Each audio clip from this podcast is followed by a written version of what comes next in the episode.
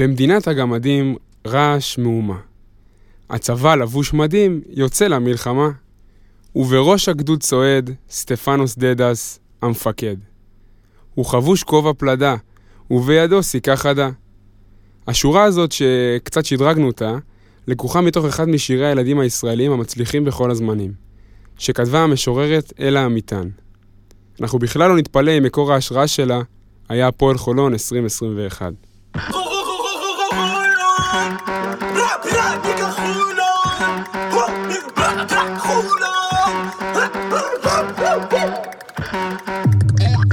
אני מביא פה את הסטייל של חולון חולון זה אטלנטני וחולון זה אטלנטני אני את הסטייל של חולון וחולון זה אטלנטני וחולון כן זה אטלנטני אני את הסטייל של חולון חולון זה אטלנטני וחולון זה אטלנטני אטלנטני וחולון כן זה אטלנטני יום רביעי, 19 באוגוסט, פרק מספר 2 של הכל סגול, הישר מאולפני המקלט שבחולון. איתי באולפן שותפיי לפשע, מאיר עובדיה, מה העניינים? שמע, אתה מקריא שירי ילדים ברמה כזאת גבוהה, לא ראיתי דברים כאלה, אבל עכשיו ברצינות בא לי זירו. הבאת זירו? תגיד, מה אתה מתלונן? יש לך חתיכת בופה בחוץ. תגיד, איך אתה מרגיש הבוקר? תשמע, אני לא אשקר לך, אני מרגיש סביר. אני אף פעם לא אומר שאני מרגיש יותר טוב מזה, כי אני פוחד שהתוכניות אה, כזה יהרסו באמצע. גם פרק שעבר אמרת לי סביר, רציתי להוריד לך איזה כף. זה, זה מאיר. סתיו טבוך, מה העניינים? מה אני יכול להוסיף לך כזאת פתיחה של מאיר? תאמין לי, אתה תמיד קצר וקולע. אז uh, יום חמישי שעבר הקלטנו את פרק הפיילוט שלנו. פרק ככה נערך במהלך סוף השבוע והושק uh, באופן רשמי במוצאי השבת ברשתות החברתיות. הפעילות הייתה מאוד מעודדת, קיבלנו המון פידבקים חיוביים, אנחנו מבקשים להודות לכולם על הפרגונים והתמיכה שקיבלנו בכמויות באמת גדולות. וואטסאפים, פייסבוק, טוויטר, הרבה פעילות. אנחנו שמחים שקיבלתם אותנו ככה באהבה, וכבר בשבוע הבא אנחנו מבטיחים להרים קצב עם אורח מאוד מיוחד, מאוד מעניין, שאני בטוח שהרבה אוהדי חולון חיכו לשמוע אותו בקולו, ופרויקטים מאוד מעניינים בדרך, ואנחנו ככה ממשיכים בכל הכוח. לפני שאנחנו מתחילים אה, לעסוק בפרק הספציפי הזה, שהכנו לו תוכנית מאוד מעניינת, אנחנו נותנים כמה עדכונים טכניים שלגבי הנעשה סביב המועדון. קודם כל, בגדי המלך החדשים, מה שנקרא, הפועל חולון, יוצאת בשיתוף פעולה עם אה, המותג הספרדי Kelme, עם הנציגה שלו בארץ, אנחנו ככה מחליפים outfit לקראת העונה הבאה, אני חושב שזה צעד מאוד מבורך, Kelme מותג גדול, מותג ספרדי שמתחזק לאט לאט, הוא חזק אה, באופן ספציפי בשוק הכדורגל, בארץ הפועל באר שבע, קריית שמונה, אה, גם בכדורסל, בסקוניה הגדולה.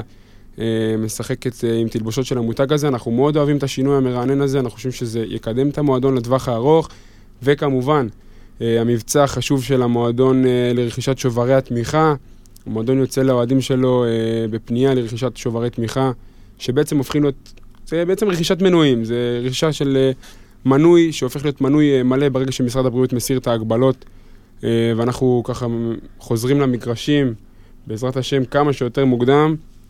אה, ראינו עדכונים בקבוצת הפייסבוק, יושב ראש המועדון איתן לנציאנו העלה פוסט מפורט ועדכן אותנו שכבר מאות רבות של אוהדים כבר ביצעו את הרכישה וזה דבר מבורך. אני חושב שלתת גב כלכלי לקבוצה שלך בתקופה של אה, אי-ודאות זאת זכות גדולה לאוהד. זה דבר שהאוהדים החולונים לצערנו מכירים כבר מסיטואציות אחרות מהעבר ולכן אה, אנחנו מצטיינים בו היטב.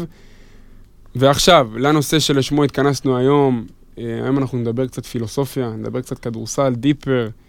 אה, ראינו שהפועל חולון ממשיכה לבנות את הסגל שלה בסימן מובהק של תורת הסמול בול. אנחנו יודעים שסטפנוס דדס מאמן שאוהב מאוד את הסמול בול, ואז אנחנו ככה עצרנו ושאלנו את עצמנו מה זה small ball. אם אנחנו מגיעים מעולם הכדורסל ואנחנו מדברים כדורסל, ואנחנו מבינים ש small ball זה סוג של סיסמה. אה, שהולכת ככה בעולם הכדורסל שנים אחורה, מגולדן סטייט הגדולה, ואפילו מיאמי של לברון ג'יימס ששיחקה ב small ball. אה, אז ניסינו להבין רגע מה זה. אה, ולפי הספרות, הבנו ש small ball זה סוג של שיטה, שיטת משחק בכדורסל, שבאופן הכי הכי בסיסי, מקדשת אלמנטים של מהירות, זריזות, כליאה מבחוץ, על חשבון הקרבה של אלמנטים כמו גובה, פיזיות, משחק לואו פוסט, כל מיני דברים מסורתיים שראינו שנים אחורה בכדורסל, סוג של אלמנטים חדשים שנכנסו לעולם הכדורסל, כמו מה שנקרא pace and space, מהירות וריווח, אה, כל העקרונות של הכדורסל בעולם ה-possessionless, עולם של היעדר עמדות ברורות, ואני שואל אותך, סתיו, איך אנחנו רואים את הפילוסופיה הזאת מתחברת למועדון שלנו בנושא תהליך הבנייה בעונה הבאה, זה נראה, נראה מאוד מבלבל. אוקיי, small ball, בואו נגדיר את זה ככה, זה הרכב נמוך. זה משהו שאנחנו רואים בחולון כבר שנה, שנתיים ומעבר לכך. בעונה הבאה אנחנו רואים לפי הבנייה המסתמנת, יש לנו שני סנטרים בלבד כרגע, שהם סנטרים טהורים, שזה ריצ'רד האוול ואוריאל טרוצקי. בשבוע האחרון החתמנו את הזר האחרון שלנו, אייזאה מיילס. הוא לא סנטר, הוא ארבע, קושי ארבע. לפי דעתי הוא ארבע טהור באירופה, אבל בהפועל חולון אני חושב שהוא ישחק גם בעמדה חמש, במיוחד בליגה הישראלית. הכל טוב ויפה, אבל אתה יודע, אנחנו מדברים פה עכשיו על small ball והכל, בוא נדבר על יתרונות וחסרונות. אז אתה, אתה רוצה שנעשה איזה פינג פונג כזה אני ואתה, סתיו? אין בעיה. סבבה, אז בוא נתחיל עם יתרונות. יתרונות של small ball, תזרוק לי איזה משהו. קליעה משלוש, אין בעיה, אבל שיש לך קליעה משלוש, אז חסר לך דמות בתוך הצבע. אה, אבל יש לך יותר ריווח. אבל יש לך פחות גובה, פחות כוח, ופחות סייז ופחות אלמנטים במשחק. אבל אתה משחק יותר מהר. אתה משחק יותר מהר, אבל uh, אתה יודע, גם כשאתה משחק לאט, ואנחנו עוברים לסט גיים, ואתה מכניס את הכדור לצבע, אז עם כל הכבוד שווילי וורקו משחק בארבע, והזיה אמלס מן הסתם משחק בחמש כמה פעמים, אני לא בטוח שיהיה לך משחק אה, גב לסל. איזה מודל אנחנו מכירים של ball? ב-NBA? יש את הקבוצה שאני אוהב, את הבחור הזה, איך קוראים לו? זה עם הזקן, נראה לי ארדן? ארדן. אז זה הבחור הזה שאני אוהב, אני מאוד מאוד אוהב לראות את הכדורסל שלהם, ושלא תטעו, זה ממש ממש לא שאני לא מצדד במשחק של השמאל בול, אבל, ויש אבל גדול. אני מרגיש ש... בואו, אנחנו הולכים לדבר כאן שיחה אינטליגנטית ורהוטה ועמוקה, אבל בסופו של דבר כל העונה הזאת תהיה תלויה בפציעות. ואם אוול נפצע, אני לא יודע את מי לעזאזל אנחנו נשים בתוך הצבע. אבל ביוסטון משחקים עם פי.ג'יי טאקר בעמדה חמש. מה שקורה ביוסטון, אה, גם ברמת הבנייה של הסגל, מזכיר לי את מה שסטף ניסה לעשות פה, כמובן בשינויים המחייבים, זה יוסטון, זה הפועל חולון, אנחנו לוקחים הכל בפרופורציה, אבל שני גארדים סופר דומיננטיים מאחורה. אה, במודל של יוסטון יש לנו את ראסל ווסטברוק וג'יימס ארדן, פה יש לנו להבדיל אלף אלפי הבדלות, את טיירוס מגי וסי.ג'יי אריס, וכל השאר הם בעצם פורוורדים. חוץ מריץ' האוול שהוא חמש, סוג של טהור, וטרוצקי שאנחנו הסכמנו בפרק הקודם, שלא הולך לקבל אה, תפקיד משמעותי ב roster, הרוב המוחלט של הסגל זה סגל של פורוורדים, גם ההחתמה של הזר הרביעי, החתמה של פורוורד טהור, ואנחנו רואים את זה ביוסטון. ואני רוצה לשאול אתכם שאלה קצת, uh, קצת מתחצפת, בוא נגיד ככה. אנחנו מדברים פה ברמת הפילוסופיה, מדברים NBA, מדברים ריווח, מדברים כליאה, מדברים ריבאונד. אולי אנחנו סתם uh, מתפלצנים פה, ומה שקורה בסופו של דבר זה היעדר תקציב. סנטרים באירופה זה מצרך שעולה כסף, אנחנו רואים את זה ביורוליג. אני רוצה להקביל את זה למקרה של זיזיץ' במכבי, שכן מגיע או לא מגיע, בכל מקרה הולך לעלות סביב מיליון דולר. סנטרים ברמה הגבוהה של היורוליג. סנטרים ברמות כאלה של אה, BCL, אתה רוצה להביא סנטר איכותי, מגיע לאזור 200 אלף דולר בלי למצמץ. אבל אתה, אתה, אתה עדיין רואה בליגה הישראלית סנטרים טובים. כאילו שמתאימים לליגה שלנו, לא, לא מדבר על 2-11 שלא מתאימים לליגה שלנו גם. אני רואה, אני רואה סנטר, ב- ברמת BCL, שנה שעברה התמודדת עם סנטרים כמו מוסטפא פול מ- מטורק טלקום וכל מיני תאומי מגדל כאלה עצומים. מוסטפא פול די, די גבוה. מוסטפא פול 2.18 אם אני לא טועה, וסנטר להביא כזה ב size, שהוא נתן לטורק טלקום יתרון מאוד משמעותי, זה עולה כסף. אז אני שואל אותך, מאיר, האם אנחנו פה אוהבים להתפלצן ברמת הכדורסל? בסופו של דבר זה עניינים של תקציב. גבוה כמו אייזאה מיילס, שהוא 2.03 על שרפרף, עולה פחות מסנטר 2.10, 2.12, שזה מצרך נדיר, ואולי בגלל הקטע התקציבי אנחנו מתפשרים על הגודל. אז אני לא מסכים בכלל, כי אני לא חושב שחולון תוותר על הכמה לירות האלה, או שתחסוך אותם יותר נכון, כדי אה, לקחת עמדה כזו או אחרת. אני חושב שפשוט זה עניין של סטפנוס דדס. זו השיטה שלו, זה הפילוסופיה שלו, זו הפילוסופיה שלו. ואני יכול להגיד לך שאם הייתה לו את האופציית בחירה בין זה או זה באותו מחיר, הוא היה לוקח את uh, מיילס. הוא היה לוקח את מיילס, כי זו הפילוסופיה של המשחק שלו. ככה סטפנוס דדס רוצה לשחק. טי.ג'יי קליין שיחק בעונה הקודמת בחולון בעמדה מספר 5, ואם תשאל את טי.ג'יי קליין אם הוא 5, הוא יגיד לך שלא, ואם תשאל את אימא שלו גם, שהיא שחקנית עבר מאוד מאוד גדולה, היא תגיד לך שטי.ג'יי קליין לא 5. אז זה הכל עניין של פילוסופיה, דדס רוצה לשחק את ה small ball, הוא רוצה לשחק נמוך ולרוץ, הוא רוצה לקלוע מבחוץ, זה הכל, אין פה עניין של תקציב. אני אסכם את הנושא ואני אגיד שאם בילדותי שאלו אותי מה העמדות הכי חשובות בכדורסל, וכל מי שאמר לי, הייתי אומר 1 ו-5. היום זה לא ככה.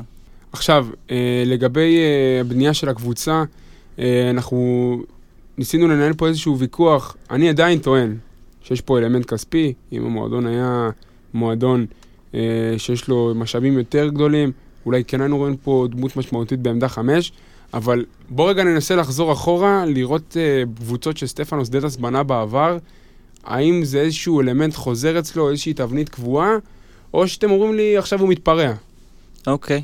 אני לא רוצה לגעת בתקופה שהוא היה עוזר מאמן, נצלול ישר לתקופת האימון שלו בטורקיה, הוא התחיל בנות 2015-2016 בגזיאנטפ הטורקית, היא שיחקה בליגה הראשונה, אה, הוא סיים איתה במקום השמיני והוא אימן שם במשך שנתיים, ולא היה לו סנטר 2-10, 2-11, שבליגה הטורקית אנחנו רואים הרבה כאלה. מוכר וידוע. נכון מאוד. אה, לאחר מכן הוא עבר לבשקשיר, שהוא עלה איתה ליגה, הוא היה שיחק בליגה השנייה, ועלה איתה ליגה, גם, גם שם לא היה לו שם סנטר pure, טבעי, שהוא 2-10. זה משהו שהוא לא, כנראה לא מאמין בו. זה מעבר לשנה, חצי שנה שלו בחולון ובקבוצה שהוא בונה. זה משהו שנמשך כבר כמה שנים, וזאת מגמה. אז אם אנחנו רואים את זה בתור מגמה אה, של סטפנוס דדס לאורך הקריירה שלו, בוא נגיד ככה, הוא לא בנה הרבה קבוצות, הוא עדיין מאמן די צעיר, בלי הרבה קילומטראז' מאחוריו, אבל במעט הקבוצות שהוא כן בנה והטמיע שם את אה, תפיסת העולם המקצועית שלו, אנחנו כן ראינו סוג של נרפות בעמדה חמש מבחירה. ועכשיו אני שואל אתכם, אה, כמה שאלות לגבי המהלכים האחרונים שראינו בשבוע שעבר בסגל. ראינו את ג'ו אלכסנדר, נשאר בסגול, אבל סגול של עירוני נהריה, ובאופן כללי, ברמה הפילוסופית, הוא כן היה מתאים לפילוסופיה של הפועל חולון. תראה, ג'ו אלכסנדר, קודם כל, לא רק שהיה מתאים, אנחנו גם דיברנו על זה פה בשבוע שעבר, הוא באמת השחקן לשיטה הזאת של דדס, אבל אני באמת... יש מצב שדדס לא תפס מהכלייה שלו מבחוץ? אה, 38 אחוז לשלוש, בעונה שעברה, עזוב את זה שהוא שיחק רק שמונה משחקים, אבל ג'ו אלכסנדר לקח פה את האליפות שלשות פעם אחר פעם, הוא. עשה את זה, הוא עשה את זה, אל תיקח את זה ממנו. הוא מעט רך בהגנה.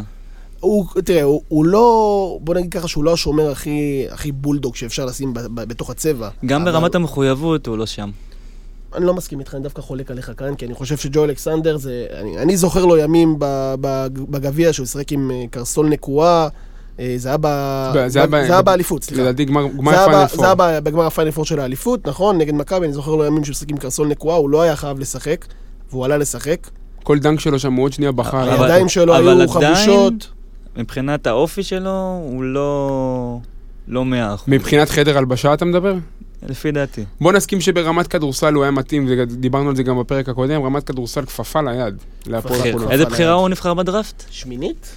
אני לא בטוח, נראה- משהו כזה. בחירה משהו שמינית. בדראפט, מילווקי בקס. אה, ברמת הכדורסל טענו שהוא כן מתאים, ברמת ה size הוא גם מתאים, לשחק חמש ב small ball. דן שמיר שיחק איתו בחמש. אני חושב שנהריה מאוד מאוד הרוויחה מהמהלך הזה. זאת אומרת, שנה שעברה הם שיחקו עם טוני גפני ב- בעמדה הזאת פחות או יותר, וטוני גפני זה לא אחד שיודע לקלוע מבחוץ. טוני גפני שחקן שונה. טוני גפני שחקן מאוד שונה מאלכסנדר, אבל הוא קולע פחות טוב מבחוץ. אלכסנדר יוסיף לנהריה את המימד הזה גם של הקליעה מבחוץ וגם של האגרסיביות בתוך הצבע. ושל תעודת זהות כחולה. תעודת זהות כחולה כמובן, שזה מקנה להם את האופציה לקחת עוד זר בעמדה אחרת.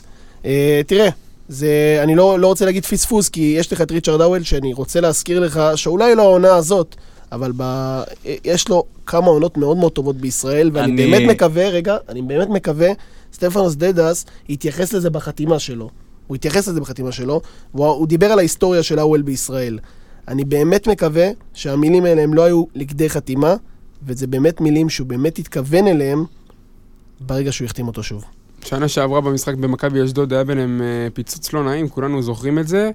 אה, וכשאנחנו מדברים על החזרה הרשמית של ריצ'רד האוול, המועדון מודיע על אה, השארתו לעונה נוספת. עוד פעם, כל הפרק הזה אנחנו נבחן את זה לאור התיאוריה של בול, ואנחנו רואים שברמת התכונות הבסיסית שלו ריץ' פחות מתאים לעניין של בול, כי הוא עם עמדה מובהקת ופחות קולע מבחוץ. לא בדיוק מובהקת, הוא סוג של point center. סנטר שיכול לכדרר ולמסור, אז זה לא בדיוק סנטר קלאסי. אז זהו, בגלל זה, בגלל זה רציתי לצאת, לגעת בנקודה הזאת. ריצ'רד האוול הוא סנטר מאוד לא קונבנציונלי, יש בו תכונה נוספת, יש לו סקטור נוסף של תכונות שנותן לו יתרון מובהק על פני שחקנים אחרים בעמדה שלו. ראינו שנה שעברה שאוול לוקח את הכדור מה baseline, עובר את החצי, חודר לטבעת ושם, אה, ושם סל. וגם איבד הרבה כדורים ככה. יפה. אה, ולגבי ההשערה של ריצ'רד האוול, אה, זהות ישראלית, המשכיות, זה דברים שחשובים לנו. איך אתם רואים אותו משתלב במשחק של הפועל חולון בעונה הבאה? קודם כל אני חייב להגיד שאוול קנה את ליבי ביורו בסקט 2017. יש לו פינה חמה בלב שלי אחרי היורו בסקט הזה. Uh, לגבי חולון, בואו לא נתכחש לזה, זאת העונה הכי חלשה שלו בישראל, ואני רוצה לגעת באוול עם דדס ובלי דדס. אמנם לא היו לו הרבה משחקים, אבל אנחנו רואים פה מגמות. בלי דדס הוא קלע 12 וחצי נקודות למשחק, 8.8 ריבאונדים, 24 דקות בממוצע. עם דדס, אמנם זה רק ארבעה משחקים, אבל שני, שתי נקודות למשחק, שני ריבאונדים, עשר דקות. רואים את הפערים העצומים ב- ביכולת של, דד, של אה, אוול עם דדס ובלי דדס. שים כוכבית, שים כוכבית כי הוא בינואר חזר שם מפציעה, אם אני לא טועה, נכון, אבל עדיין זה היה גם מעבר ליכולת, זה גם היה... בקטע היו המנטלי. סתיו, טאקלים, יש לי שאלה היו אליך, טאקלים. יש לי שאלה אליך, ואחרי זה נפנה עוד שאלה לכולם. שאלה ראשונה, ריצ'רד האוול במדעי הפועל חולון, מה המשחק הכי טוב שלו בישראל? בוא נראה אם אתה יודע להגיד לי. במדעי הפועל חולון? במדעי הפועל חולון. אני יודע להגיד, נראה לי. אני לא זוכר. הפועל באר שבע גביע בחוץ. לא. מכבי תל אביב נוקיה, אמנם הם הפסידו שם, מנורה? סליחה, מנורה, ממש אה, חשוב לנו ככה לזה, אבל בסדר. אה, ריצ'רד האוול במנורה נתן הופעה מדהימה, מדהימה. הוא סיים אבל עם 17 נקודות, אני באמת חושב שאני צודק כאן. מישהו יודע מה האחוזים שלו מהקו העונה? פחות מחמישים. 23 אחוזים. אוי ואבוי. אבל... לא זכרתי את זה כזה עוד קיצוני. כוכבית, עוד כוכבית. הוא לא שיחק הרבה משחקים. זה לא משנה, אבל לא זכרתי את זה כזה קיצוני, 23 אחוז. ובגלל שאנחנו רוצים להשאיר את הידע, אז יש לי ככה שאלה לגבי ריצ'ר, ריצ'רד האוול. יש אתמול איזשהו שחקן שניצח במקרה באיזה מקום ב-NBA, באיזה בועה אחת, ומסתבר שב-2013-2014 הבחורצ'יק הזה שיחק עם אה, ריצ'רד האוול בליגת הפיתוח. השאלה אם אתה יודע להגיד לי מי, מי הבן אדם שניצח אתמול משחק? שניצח אתמול משחק. אני חושב שאני יודע. אתה חושב שאתה יודע או שאתה בטוח שאתה יודע? כי אתה יודע מה אני עושה לאנשים שטועים. אני הייתי מהמר על מקולום. סי.ג'י מקולון, תשובה נכונה, ובנוסף פייר ג'קסון ששיחק במכבי, גם איתו שיחק ריצ'רד האוול הוא בליגת שיחק גם עם הפיתוח. טי.ג'יי וורן במכללות. אז אה, ריצ'רד האוול אה, ממשיך איתנו לעונה הבאה, באמת יהיה מעניין. הוא כנראה הולך להיות העוגן של משחק הפנים שלנו. הוא לא שחקן post-up גדול, אבל אה, הוא כן מוביל, הוא, הוא point center. זהו, יש לו יתרונות. של הובלת כדור, דיברנו על זה, ועכשיו אנחנו רוצים לשים את הדגש על ההחתמה, שבאמת זרקנו עליה מילה אה, בחלק הקודם, אנחנו רוצים כרגע לצלול לתוך הנתונים ולנסות להכיר את השחקן. אה, חותם אצלנו פורוורד חדש, אייזאה מיילס, חוזה של 1 פלוס 1, שנה עם אופציה, אה, בן 26, מגיע אלינו מהליגה הצרפתית, לא, מליגת הפיתוח. ליגת הפיתוח ליגת ג'י הפ- ליג. כן, אבל לפני הקורונה. נכון מאוד. עשה איזה חתימה על מסמך, השתייך באופן רשמי אה, לקבוצה בליגה הצרפתית, לשלון, אם אני לא טועה, את זה לא הכרתי. והוא לא הספיק לשחק שם. הוא אוקיי. הגיע עם קבוצת הבת של פילדלפיה. אה, אז בגדול, מי אתה, איזיה מיילס, מה אנחנו יכולים להגיד על השחקן הזה, סתיו? מה אנחנו אמורים לקבל פה? שלוש, ארבע, ארבע וחצי, חמש, שבע, עשר, מה, מה אנחנו יכולים לראות? אוקיי, אני אגע בזה. קודם כל נגיד שהוא מגיע אחרי עונה לא טובה. הוא מגיע אחרי עונה שהוא חיפש חוזה ב-NBA, בפילדלפיה, הוא שיחק בליגת הפיתוח, של הקבוצת הבת שלה כמובן, והוא לא העמיד ממוצעים מרשימים בלשון המעטה. 15 דקות, 6 נקודות, 30 אחוז לשלוש, 36 וחצי אחוזים מהשדה. זה איום ונורא. אמרת את מילת המפתח, רק כשקראת את הסטטיסטיקה, 15 דקות זה לא הרבה בשביל שחקן. הוא שיחק עם ג'ונה בולדן שנגס לו בדקות. מיודענו ג'ונה בולדן, ששיחק במכבי תל אביב. וכמו בקטע מפתיע, הרבה שחקנים שמגיעים העונה להפועל חולון, העונה המשמעותית, הטובה שלו הייתה 18-19. נכון מאוד. כמו סי.ג'יי האריס, אה, כמו אה, טיירוס מגי, 18-19 הייתה עונה של powerhouse מבחינתו, הוא שיחק ביורו-קאפ, אפילו הייתה לו עונה יותר טובה ב-16-17, אבל בעונת 18-19 הוא שיחק גם ביורו-קאפ. הוא היה מקום שני באחוזים לשלוש במפעל, שזה מאוד יפה. הוא כלל 52 אחוזים. הוא היה שחקן של 10 נקודות בממוצע, אם מחשיבים את הליגה והיורו-קאפ. הוא היה שחקן אה, רוט- 25 דקות בממוצע, שחקן משמעותי בקבוצת יורו-קאפ. איך אנחנו רואים את uh, מפת הזריקות שלו? הבן אדם, uh, רואים שהוא קצת נרתע מהצבע, מעדיף את הזריקות מחצי מרחק ומשלוש. הבן אדם מר, מרבה לזרוק שלשות, רוב הזריקות שלו מגיעות לשלוש, הוא גם זורק לשתיים, ראיתי שבתגובות בקבוצות רושמים שהוא לא מגיע לצבע, הוא זורק לשתיים, הוא גם יכול לחדור לסל, אבל זה לא ה cup of tea שלו. כן, אבל מבחינה הזאתי, אם אנחנו רואים שהוא הולך לשחק בעמדה חמש בהפועל חולון, אנחנו צפויים, בהתאם לפילוסופיה של ה small ball שדיברנו עליה, לראות כמה, חמישה שחקנים מחוץ לקשת? אז, אז בוא נדבר על זה רגע, שזה באמת משהו מאוד מאוד מעניין. לשחק חמישה שחקנים על קשת השלוש, זה דבר שהוא על גבול המרגש. אני באמת לא צוחק איתך. על גבול המרגש, כי, לי- כי זה פשוט כדורסל שאתה יכול להתפוצץ מבחינת נקודות על היריבה. אני לא מדבר עכשיו על החלק ההגנתי, אבל מבחינת התקפה, הפוטנציאל ההתקפי שלך הוא עצום. אבל מה יש לך מבחינת אבל- הכדורסל? יש לך בידודים וכליאה, זהו. אתה תלוי יותר מדי בכלייה שלך, אתה יכול להתפוצץ ויום אחרי זה לחטוף 20 נקודות הפרש. דוגמה מצוינת, חוזרים לבועה ההיא באורלנדו, אתמול בלילה, בין שלישי לרביעי, מילווקי בקס, מקום ראשון במזרח, מפסידה לאורלנדו, חלקים מאוד נכבדים מהמשחק, יאניס משחק בעמדה חמש, ארבעה שחקנים משחקים מחוץ לקשת, כולל יאניס שהוא יוצא וחוזר. יאניס קלע שלוש שלשות במשחק הזה. יאניס קלה, אבל הקבוצה יחסית הפסידה בגלל ההימור הזה של הזריקות מבחוץ. רוב המשחק אתה רואה אותם עומדים על הקשת ופשוט משליכים את זה אנחנו רואים מבחוץ. בכל ה-NBA. אז אם אנחנו, את זה, אם אנחנו רואים את זה שנה הבאה אה, בהיכל הטוטו בחולון, יכול להיות מאוד שהמשחק הזה, יכול להיות שסטפנוס דטס בפילוסופיית הסמולבול שלו, לא מציע לנו משחק מורכב, מציע לנו משחק מאוד פשטני, שכל קבוצה תוכל אה, ללמוד את התרגילים שלנו, את המשחק שלנו בצורה מאוד מאוד בסיסית, ולעצור אותנו בשנייה. ראינו את זה שנה שעברה הרבה פעמים. האם אנחנו לא הולכים לראות את זה שנה, הש- השנה הזאת שוב? זה, תראה, זה יהיה מעניין, במיוחד ב-BCL, מהסיבה הפשוטה שלקבוצה שמשחקת בצורה שחולון הולכת לשחק, מאוד קשה להתכונן. כי אתה יודע, מתי ששחקן אחד עובר שחקן אחר, שם נוצרת בעצם הבעיה. שם הבעיה מתחילה. שחקן גובה 2.16 מאוד מתקשה לשמור על 2.3. זו- זאת, זאת הבעיה המרכזית של היריבות של חולון. ולהפך, ולהפך, יש לך בעיה בריבונד, אני לא יודע איך, איך תסתדר איתה. אז יש לך, בוא נדבר בעצם על, על ריבון, כי זה באמת נושא חשוב. לא רק וורקמן- ריבונד, גם מיסמאצ'ים. וורקמן זה, וורק- וורקמן זה בחור שיודע לקחת ריבאונד, הוא כבר הוכיח את זה. איזיה מיילס לא ריבאונדר וגם לא, שעת בלקר. הוא לא ריבאונדר גדול. לא. אאוול, אאוול, עוד איכשהו אני יכול להגיד שהוא ריבאונדר אין, אין יחסית לך.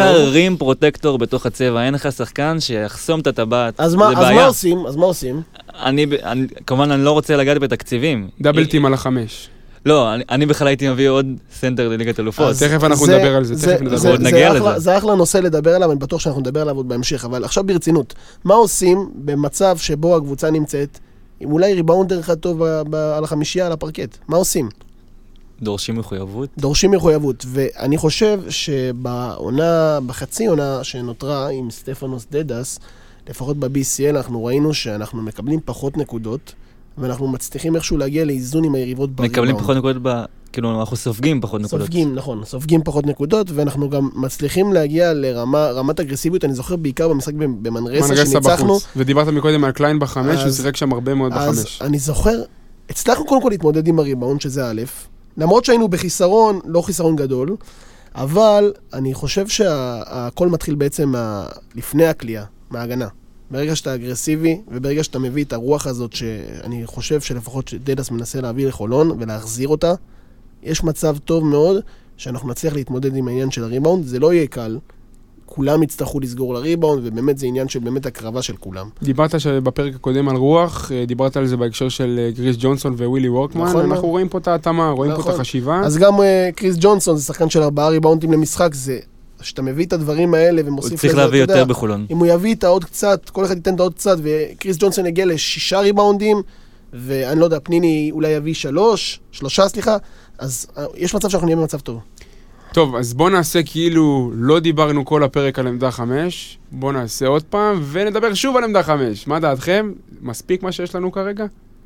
לפי דעתי זה לא מספיק. כמובן, אני לא רוצה לגעת בתקציבים, אבל אני הייתי מביא... אבל זה חשוב מאוד, כאילו, זה נכון, חשוב מאוד העניין נכון של מאוד. התקציב, זה העניין המרכזי. אז תראה, בואו בוא נדבר רק שנייה על העניין של התקציב. אני לא חושב, אני עוד פעם לא נכנס לכיסם של אנשים, אבל אני לא חושב שלהביא, דרך אגב זה לא רלוונטי, אבל זה היה רעיון שככה צץ לי אתמול, להביא שחקן כמו בן אלטית למשל, שלא שיחק בכלל בעונה שעברה בבאר שבע, בתור גיבוי, בתור גיבוי מהספסל שיכול לבוא ולשים. את הגוף. דרך אגב, בן אלטית חתם אתמול באשקלון לדעתי. נכון. אה, אז זה לא כל כך רלוונטי, אבל להביא שחקן שהוא לא הכי יקר, ושישב אפילו, אתה יודע, בשביל כמה דקות, בשביל האימונים, בשביל הכוח, בשביל הגוף, אני לא חושב שזה רעיון רע. אם אתה מחפש סנטר ישראלי, יש לך סנטר ישראלי פנוי, שהייתי לוקח אותו. מתאזרח. לא, לא, לא כולם מכירים אותו אפילו. מי זה? קוראים לו טרנס ווטסון. הוא קיבל אזרחות לפני שנתיים, שיחק בבאר שבע, נפצע אחרי שני משחקים, נכון? קרע את הרצועה בברך. העונה פתח את ה... לא פתח, הוא הגיע בסוף פברואר, ממש לפני פגרת הקורונה, לאילת, שיחק משחק אחד, כמוהו. כלה 21 נקודות. הוא ישראלי. זה שחקן שהייתי מביא אותו, אני גם ראיתי אותו באולם בחולון, אני חייב להודות. מה גילו? גילו 33. הוא, הוא לא צעיר, הוא שחקן עם ניסיון, הוא שיחק בליגה השנייה, עלה עם קריית גת ליגה בשביל ב-2015. 15-20 דקות במשחק, זה לא, הגיל שלו לא כזה. מה הגובה. הרשום במנהלת הליגה? עם- 2, בלי- 3. בלי הוא, שרפרף? הוא בין 2, 1 ל-2, 3, הוא ישחק בליגה שלנו סנטר. שרפרף. הוא יכניס גוף. בלי על קצות האצבעות, בלי הנעליים. אני לא נוגע לזה. תראה, את זה, את זה הוא עוד לא בדק, אבל הרעיון עצמו, ב- כל, כל הדבר הזה שנקרא סנטר כגיבוי, זה משהו שמאוד חשוב. אנחנו אמרנו כבר ודיברנו על אוריאל טרוצקי בשבוע שעבר, אנחנו מאוד אוהבים את הבחור הזה, הוא בן אדם שבא להילחם ובא לתת מעצמו, וזה יפה, אבל אני לא חושב שזה יספיק לעונה שהיא ארוכה, לעונה של שתי מפעלים, שני מפעלים. כן, אבל מה ההיגיון בלהביא בן- שחקן כמו בן אלטית, אה, שכבר כבר ספציפית בן אלטית לא יגיע, אבל שחקן בפרופיל של בן אלטית לה- להביא, שיש לך כבר שחקן בפרופיל כזה, של- שהוא טרוצקי. אם אני- מדברים על פרופיל שחסר בחולון, כבר נגעתי בזה, רים פרוטקטור. ורנדו מגליל שהיה ענה. זה מישהו שחסר לך בצבע, שיעשה לך את הבלוקים, את הריבאונדים יקטוף לך, זה משהו שחסר. ראינו את זה בליגת הקורונה, לא היה לך שחקן שיכול לחסום לך את הטבעת. זה היה בעיה. כן, ג'ימי לא, ג'ימי אול לא היה כזה. וטרנס ווטסון האמת. ואוול הם אה, בסגנון של ג'ימי אול יותר. ג'ימי אול הוא סוג של, אה, אני ראיתי אותו באופן אישי כסוג של אה, גרסה, ש- גרסה מסוימת של דריון אטקינס.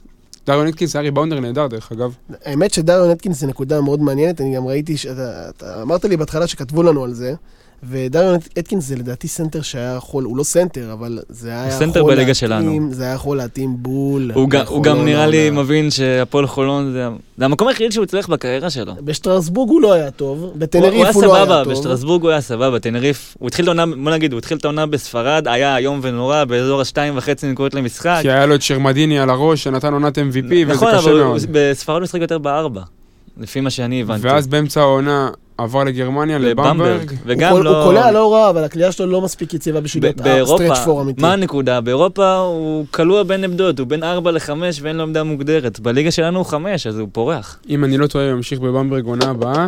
אה, ודריון אטקינס אה, זה סוג של אה, פרופיל של שחקן שכן יכל גם להתאים לדעתי לפילוסופיה של סטפנוס דדס, למרות שכבר עברנו איתו שתי עונות ב-BCL, וזה לא היה נעים אה, ברמת ה size, ברמת הריבאונד. דריון אטקינס שיחק ב- בהפועל חולון.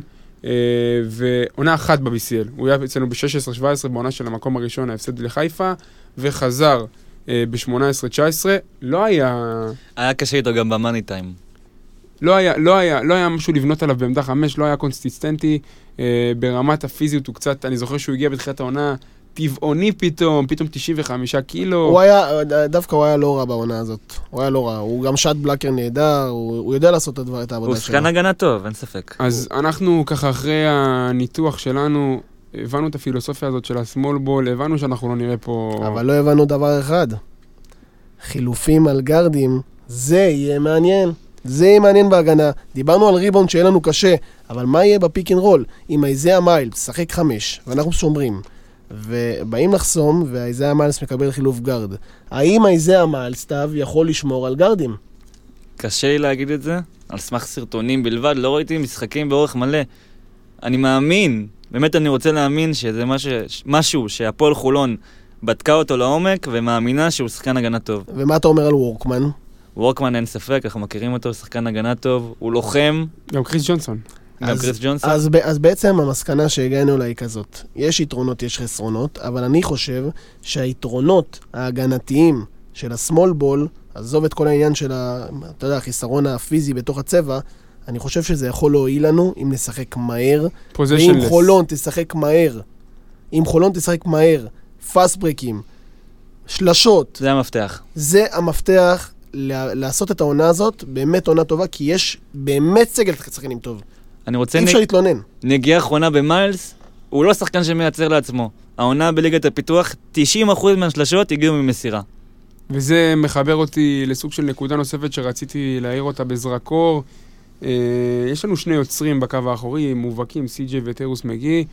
יוגב אוחיון, כרגע עדיין, אה, הוא סוג של רכז פיור פוינט גרד יחיד בסגל, וזה מחזיר אותי לדיון שלנו בפרק הראשון, שנה שעברה, עוד פעם, פוינט גרד אחד, ואנחנו מגיעים לאוגוסט 2020, עונה חדשה, בעיות ישנות, לא לומדים מהליקויים ברמה, ברמה, ברמה הבסיסית של... אה, ברמה הבסיסית של בדיקה, בדיקה, בוא נגיד ככה, עוד לא ראינו את טרוס מגיב משחק וסי.ג'י.ארס משחקים, אוקיי?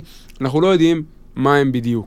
אבל ברמה הבסיסית, הם לא רכזים טהוריים, ושנה שעברה קצת נפלנו עם זה, וקצת זה שיחק, זה שיחק בעוכרינו הרבה, הרבה, הרבה שלבים של העונה. מה קורה בקו האחורי? יש לנו איזשהם אלטרנטיבות בעמדת הרכז? אנחנו דיברנו על כמה שמות נחמדים, מעניינים, בשבוע שעבר, ודיברנו גם על זיו בן צבי שהוא כבר לא אופציה. הוא חתם פועל בהפועל חיפה. באמת מאחלים לו בהצלחה. רכז ראשון שם. אבל השאלה האמיתית היא, כמה רכזים ישראלים פנויים נשארו בשוק? לא הרבה התשובה. לא הרבה. יש לך את אבי בן שימול, שאני לא יודע עד כמה הוא יגיע לחולון. לפי דעתי הוא לא מתאים. גם לא יודע עד כמה הוא מתאים, אבל הוא גם לא חושב שהוא יגיע לחולון. והשאלה היא מי עוד, ראיתי את אה, באר שבע מחתימה את אה, תום מעיין. אה, יש לך איזה מישהו שעולה לך בראש שהוא פנוי עכשיו? רכז ישראלי? רכז ישראלי. לא, אבל אני רוצה לגעת בהאריס. האריס מזכיר לי את ווייט. אני אגיד ככה. ב movement שלו, בהכל. בדיוק. ווייט בשפת גוף. ווייט הגיע לחולון מהפועל אילת, ובהפועל אילת הוא לא היה רכז. בהפועל חולון הוא, הוא שימש כרכז. זה מה שנראה לי מצפים מהריס להיות מודל? ווייט. על איזה עונה אתה מדבר? על העונה של ה-MVP, של הפציעה באמצע העונה? שתי העונות מאוד הזכירו לי אחת השנייה כן, אבל בעונה המשחק. של, קורי, בעונה של קורי וולדן, גם הייתה סוג של בנייה כזאתי, אפילו לא היה רכז, הרכז היחיד הישראלי היה רועי אובר, ואז פתאום, out of nowhere, קורי וולדן גילה שהוא כן, מינימום זה, ק- ניקלטז. זה קרה אחרי הפציעה של אה, ווייט. נכון, אבל באופן כללי, אם לא נשלף לך סוג של שפן מהכובע, אם uh, פתאום באמצע העונה סי.ג'י אריס לא מגלה את יכולות uh, המסירה, הכדרור והובלת הכדור שלו וניהול המשחק שלו, פתאום הוא מגלה אותם out of nowhere, אתה עדיין נשאר עם הבעיה של שנה שעברה. סי.ג'יי אריס העיד על עצמו שהוא, שהוא אוהב להוביל את הכדור, שזה כאילו משהו שהוא יודע לעשות, אז זה, זה באמת אה, נקודה מעניינת, אבל לגבי, אני חושב ש- לגבי השאלה שלכם, שנייה אתה תמשיך, לגבי השאלה שלכם לגבי uh, הדגים הפנויים שעדיין נשארו באוקיינוס, יש את הלוויתן הראשי שעדיין לא הובהר באופן רשמי באיזו קבוצה הוא משחק בעונה הבאה, יפתח זיו. אה, דיברנו על זה ש... בפרק הקודם, דיברנו על הבעיה שלו מבחינה מקצועית להתאמה שלו בקו אחורי של יוגב אוחיון. מבחינה כלכלית, הבנתי מסוג של מקורות השבוע, שמבחינה כלכלית, אה, אחרי שהוא הבין שהוא לא, יכול, לא יצא לאירופה בשלב הזה של העונה, היו לו כמה אופציות. אה, להישאר בגלבוע גליל, שכר בערך של 85 אלף דולרים. קיבל הצעה ממכבי חיפה של 100 אלף דולרים, והצעה מהפועל חיפה של 120 אלף דולרים, שבסוף נפלה והם הלכו על זיו בן צבי. אז אנחנו רואים שבסדר גודל הכלכלי לא מדובר פה באיזה מאמץ גדול, אבל מבחינה מקצועית אנחנו עדיין מסכימים שזה פחות מתאים. רועי, איך זה מתחבר לך ל pace and space שהרחבנו כל הפרק הזה ליפתח זיו? pace מתחבר, space לא. space ממש לא מתחבר, זאת הבעיה, הוא לא מתאים למרקם הקבוצתי לפי דעתי. כן, אבל הוא לא מתחבר אולי ל- לצורה הזאת שאתה מדבר עליה, אבל למשחק ה fast break, הוא פורח ב fast הוא break. השחקן הוא שחקן הגנה, וואו. הוא שחקן הגנה טוב, והוא גם rebounder טוב בנוסף לכל, והוא רק רכז. הוא שחקן. נהדר, אבל לפי דעתי הוא לא מתאים ל- למה שבונים אני. חושב, תראה, אני חושב שלהסתמך על יוגב אוחיון עונה שנייה ברציפות כרכז יחיד ובודד, זה קצת לקחת סיכון. גם כנראה מה דיברנו- שיהיה. דיברנו על נושאים של פציעות, דיברנו על אמ, דברים כאלה. זה כמובן מאחלים לו. להישאר בריא וחזק ולהוביל אותנו, זה האינטרס שאלה. שלנו זה שהוא יצליח, אבל אבל, אבל בוא, בוא נדבר עכשיו קצת קדימה. כולנו היינו מעדיפים את יפתח זיו על פני יוגב אוחיון נראה לי, לא? ברמת... לא- לא ברמת- בטוח, לא הם- הם בטוח. סוג של אותו שחקן, כאילו, אני מדבר על העונה הבאה. מבחינת הכלייה. אני לא בטוח בכלל, אני יכול להגיד לך שיפתח זיו זה שחקן שאתה יכול להחתים אותו לחוזה ארוך טווח. כמובן ב- בהתאם ליכולות הכלכליות, אנחנו לא באמת מכירים אותם, אבל יפתח זיו... הוא לא אבל איזה פרוספקט. אם אתה מחתים אותו לארבע שנים, אתה צריך לשלם לו הרבה כסף מעכשיו ולתת לו הרבה דקות כבר עכשיו. וזה משהו שצריך לקרות. משהו שצריך לקרות אם אתה מביא את יפתח- זיו. יפתח זיו, זה אחלה שחקן שישחק פה הרבה. זה... אבל הוא-. לפי דעתי הוא לא רלוונטי, אני חושב שאנחנו... אני גם חושב שהוא לא. רלוונטי, אנחנו מדברים כרגע ממש באוויר, הוא אבל... פשוט נשמע, הדבר היחיד שעדיין לא, לא נסגר, אנחנו כאילו עדיין לא רואים שיש הודעה רשמית על, אה, על הקבוצה. בוא נגיד שאף אחד כאן בחדר לא היה מתנגד שיפתח זיו היה חותם מחר על חוזה לשלוש שנים. אנחנו, אנחנו כמובן, אה, אני באופן אישי, אני כמובן אה, הייתי תומך במהלך, אה, ורוצה להתייחס לעוד איזה נקודה בנוגע לסגל, אה, סגל small ball, סגל עם מאפיינים מאוד ספציפיים שבאמת פרטנו אותו אה, לפרטי פרטים. בהודעה הרשמית על החתמתו של איזאה מיילס, מעבר לעובדה שזה השחקן הספציפי שהוחתם, לעמדה הספציפית, הייתה שם איזה נקודה אה, שתפסה את תשומת ליבי, המועדון בעצם הצהיר שהמועדון השלים את מצבת הזרים לעונה הבאה, זהו. כנראה שלא הולכים להיות פה עוד זרים. וזה ישר זרק אותי, אני בפרק הקודם טענתי שחמישה זרים זה מבורך ורצוי, ואתם קצת טענתם אחרת. חמישה זרים, מה קורה עם זה ברמת הליגה? קודם כל, לטובת המאזינים שלנו, ולטובתי האישית ולטובת כל החברים פה בפודקאסט, בואו קודם כל נעשה סדר בקטע המשפטי, כלכלי, מינהלת. היה פה בלאגן שלם במשך כל העונה. בקיץ 2019 מחליטים על אה, סיומו של החוק הרוסי, לא סיום אה, מלא של החוק הרוסי, פשוט צמצום שלו לשחקן ישראלי אחד בלבד על המגרש, ומאמצים את מתווה שרעבי, מתווה של אה, מנכ"ל משרד הספורט יוסי שרעבי. המתווה הוא כזה, לגבי זרים, קנס של 500 אלף שקל, שבמונחים תקציביים של קבוצה ישראלית זה קנס עצום לקבוצה שרושמת זר חמישי למשחקי הליגה, אוקיי? והקבוצות האחרות שרושמים רק שלושה וארבעה זרים, מקבלות מענקים על סמך הכספים של הקבוצות שרשמו חמישה. אני חושב רק השלושה זרים, ארבעה זרים פשוט גם לא מקבלים זרים, כלום. גם ארבעה זרים, גם ארבעה אוקיי. זרים מענק מינורי יותר, אוקיי? אוקיי. השינוי גם נערך בקטע של המתאזרחים, אוקיי? עשו סקטורים שונים של מתאזרחים, מתאזרחים שנמצאים יותר מארבע שנים בישראל, כבר ישראלים לכל דבר, אין עליהם שום רגולציה. מתאזרחים חדשים, מה שנקרא, צברים, לא צברים, אלא מתאזרחים חדשים שקיבלו תעודת זהות כחולה בטווח של פחות מארבע שנים, גם עליהם משלמים קנס של מאות אלפי שקלים, אבל את זה לא. נכנס לתוקף עדיין. נכנס לתוקף. נכנס לתוקף? נת... והמתווה של המתאזרחים באופן ספציפי נדחה לשנה הבאה, אבל המתאזרחים פחות רלוונטיים כן, לדיון, אני רוצה לדבר. רגע רק על הזרים.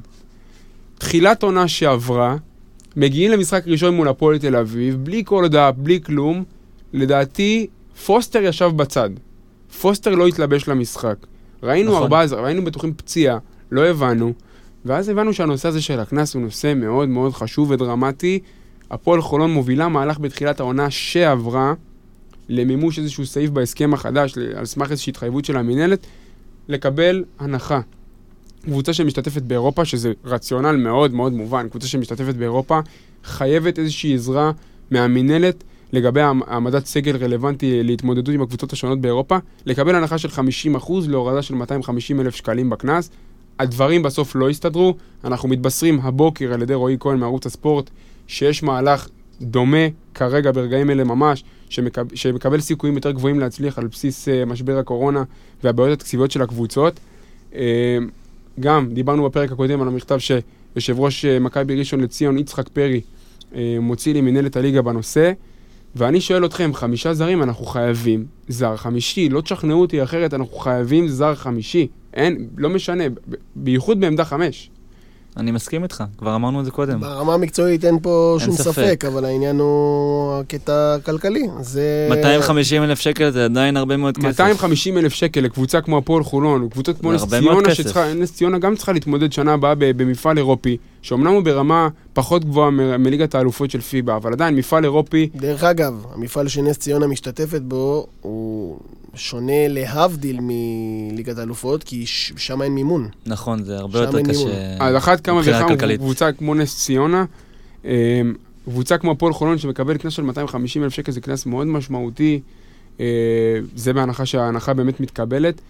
אני חושב שמנהלת הליגה, אני כמובן מהמקום שלנו קורא למנהלת הליגה לעשות איזושהי הפרדה, לעשות איזושהי הבחנה אה, בין הקבוצות שמשתתפות באירופה לקבוצות שמ- שלא משתתפות בשתי מסגרות, גם מבחינת אורך ועומק הסגל, זה יכול לסייע לך באלמנטים כמו פציעות, גם מבחינת התמודדות פיזית וגם, כולם לא מדברים, כמו שאני אוהב להגיד על הביטוי של הפיל שבחדר, השוק, כל הרעיון הזה של המגבלת זרים, מאיזה רציונל מגיע? לקדם את השחקן הישראלי. יפה. השוק הישראלי בקיץ של 2020, מדולל. דליל. והסיבה לכך שיש 13 קבוצות שנה הבאה. גם 13 קבוצות, שהפול הפול הישראלי מתחלק על יותר, אה, יותר קבוצות, וגם יש לך נטישה המונית. שבוע שעבר דיברנו על ליגה גם. פולשוב, שעדיין בלי קבוצה והוא בכלל לא רוצה להישאר פה. הגבוהים, המשמעותיים הישראלים בליגה, טי.ג'יי קליין, תומר גינת, איתי שגב, יצאו שנה הבאה. רפי מנקו גם. גם רפי מנקו, שהוא משחק בעמדת השמאל פורוד, נכון. לא ישחק שנה הבאה בליגה הישראלית. עם מה אתה נשאר? הפערי רמות יהיו בשנה הבאה יותר גדולים ממה שהתרגלנו פערי הרמות גדולים, אתה תצא לאירופה עם סגל של שמונה, תשעה שחקנים אה, מסוג של הכרח.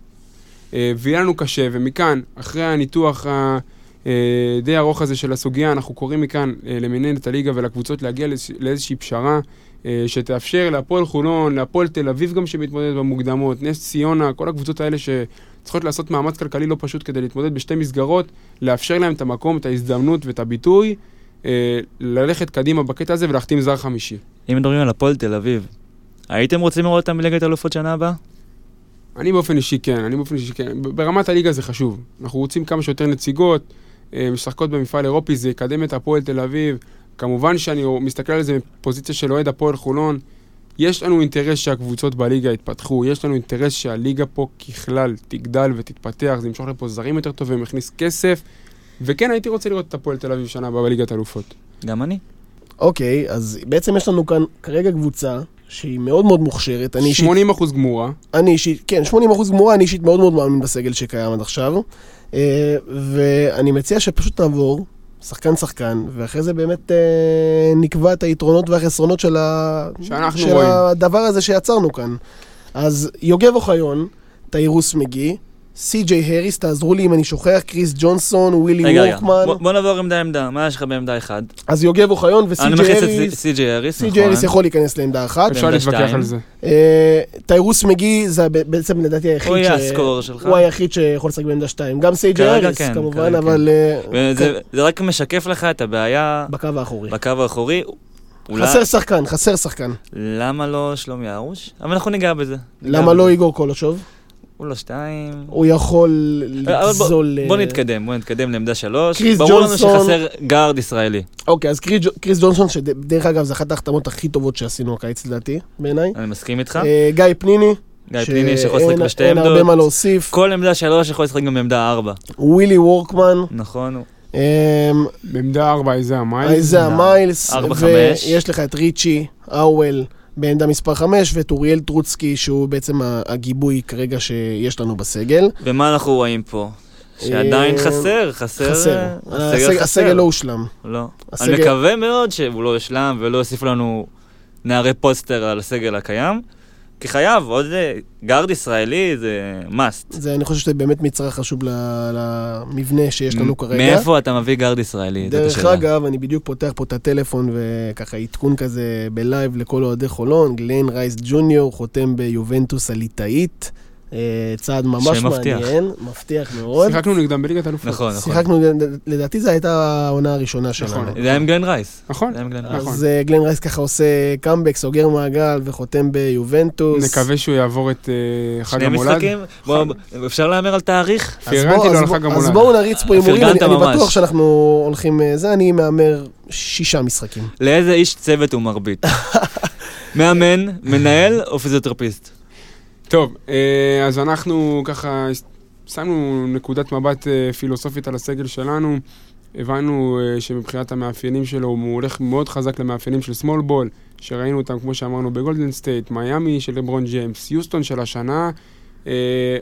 בוא נגיד ככה, עוד הרבה ידובר והרבה ינותח והרבה יסופר על הבחירות שדדס עשה העונה. במיוחד עם האורח הבא שיגיע, אני בטוח ש... אתה יודע, היינו צריכים להשאיר מה, לו קצת... זה אה, סוד? זה סוד? זה סוד. אני אוקיי. חושב שאנחנו נשמור את זה כרגע ככה בצללים, מה שנקרא. ואז אה, די עם ה teasing, מאיר, די.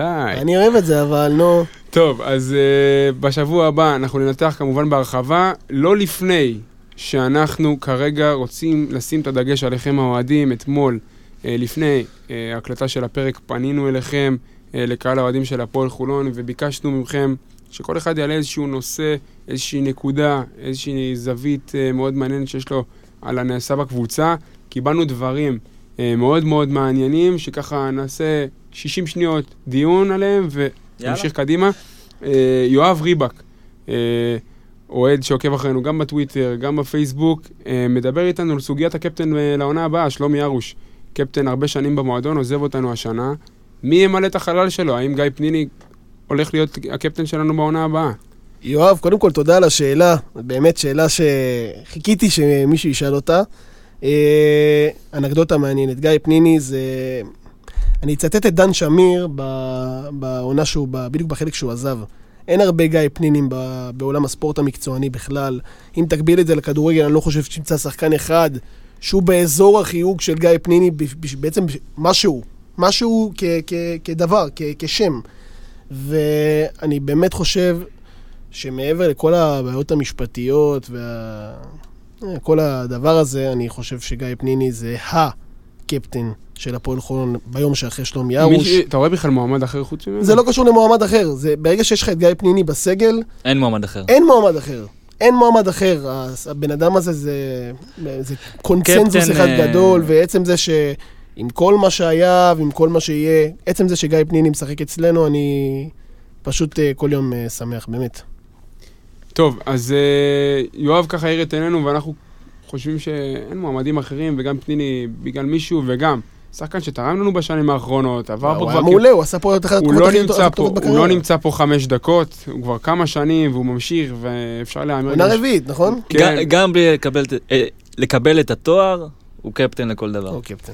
אפשר גם להניח שבשלבים אה, מאוחרים יותר של הקריירה נראה אותו עם חליפה ועניבה על הקווים, זה לא לא מן בטוח. הנמנע. זה כנראה בטוח. בטוח, הוא גם דיבר על זה לא אחת. נכון, הוא לא כבר עשה- הוא הנמנע. כבר עשה קורס מאמנים.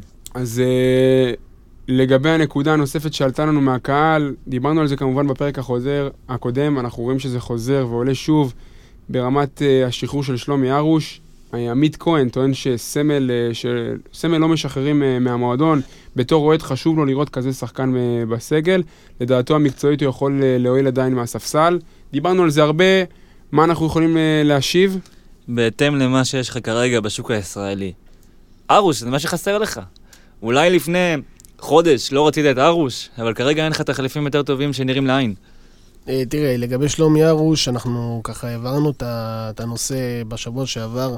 אני יכול להגיד לך ששלומי ארוש מבחינתי זה מתחלק באמת לשתי תקופות. אה, ושלומי ארוש של התחלת הקריירה בחולון, זה שחקן שהוא לוחם, והוא באמת... גם הוא- בסוף, הוא גם הפ- בסוף. לא, הוא קודם כל הוא הפך להיות פה סמל, סמל. והוא, והוא קונצנזוס בחולון, ואין פה בן אדם אחד שלא מעריך אותו. אני מאוד מאוד אוהב אותו, הוא בן אדם מדהים, אבל אני חושב שמבחינה מקצועית, כבר לפני שנה-שנתיים זה היה... זה כבר לא היה זה. אבל כשאתה מסתכל מקצועית, אתה אומר מי יחליף אותו. אין לך כרגע מישהו שיחליף אותו. זה- אם אתה זה- רוצה... זו- להיפ- זו נקודה אם רצית מעניינת. להיפרד מארוש, היית צריך לחשוב על מחליף לפני חודשיים.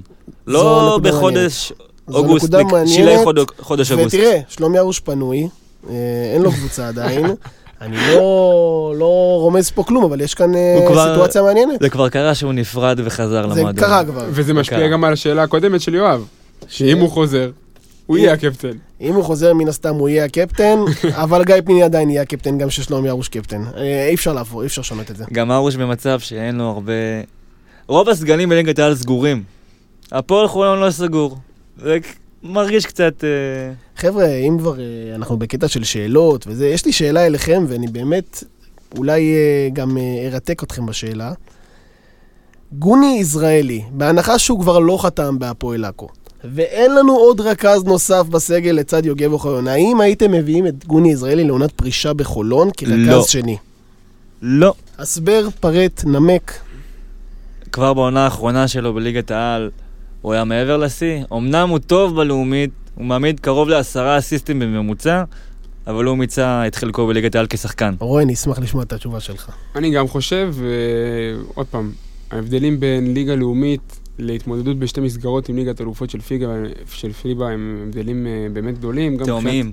גם מבחינת הגיל הוא כבר לא שם, ברמת, ה, ברמת הדמות, כן חשוב שיהיו דבר, אנשים כאלה במועדון, והוא גם חזר בליגת הקורונה. להיות אבל יש לך גם את. גיא פניני. מה זה? אז זהו, זה יכול להיות גם עומס, אתה מבין? יותר מדי- יותר מדי פיגורות גם זה לא טוב. אני. לא, לא מנסה לעשות פה בלאגן, אבל אני גם חושב ש, שזה לא מתאים, פשוט רציתי באמת לדעת... too אה, late. רציתי לדעת אה, מה, מה דעתכם. אני לא חושב שגוני יזרעאלי יכול אה, להתאים כרכז שני, אה, לא בגלל היכולות שלו, בגלל האופי שלו.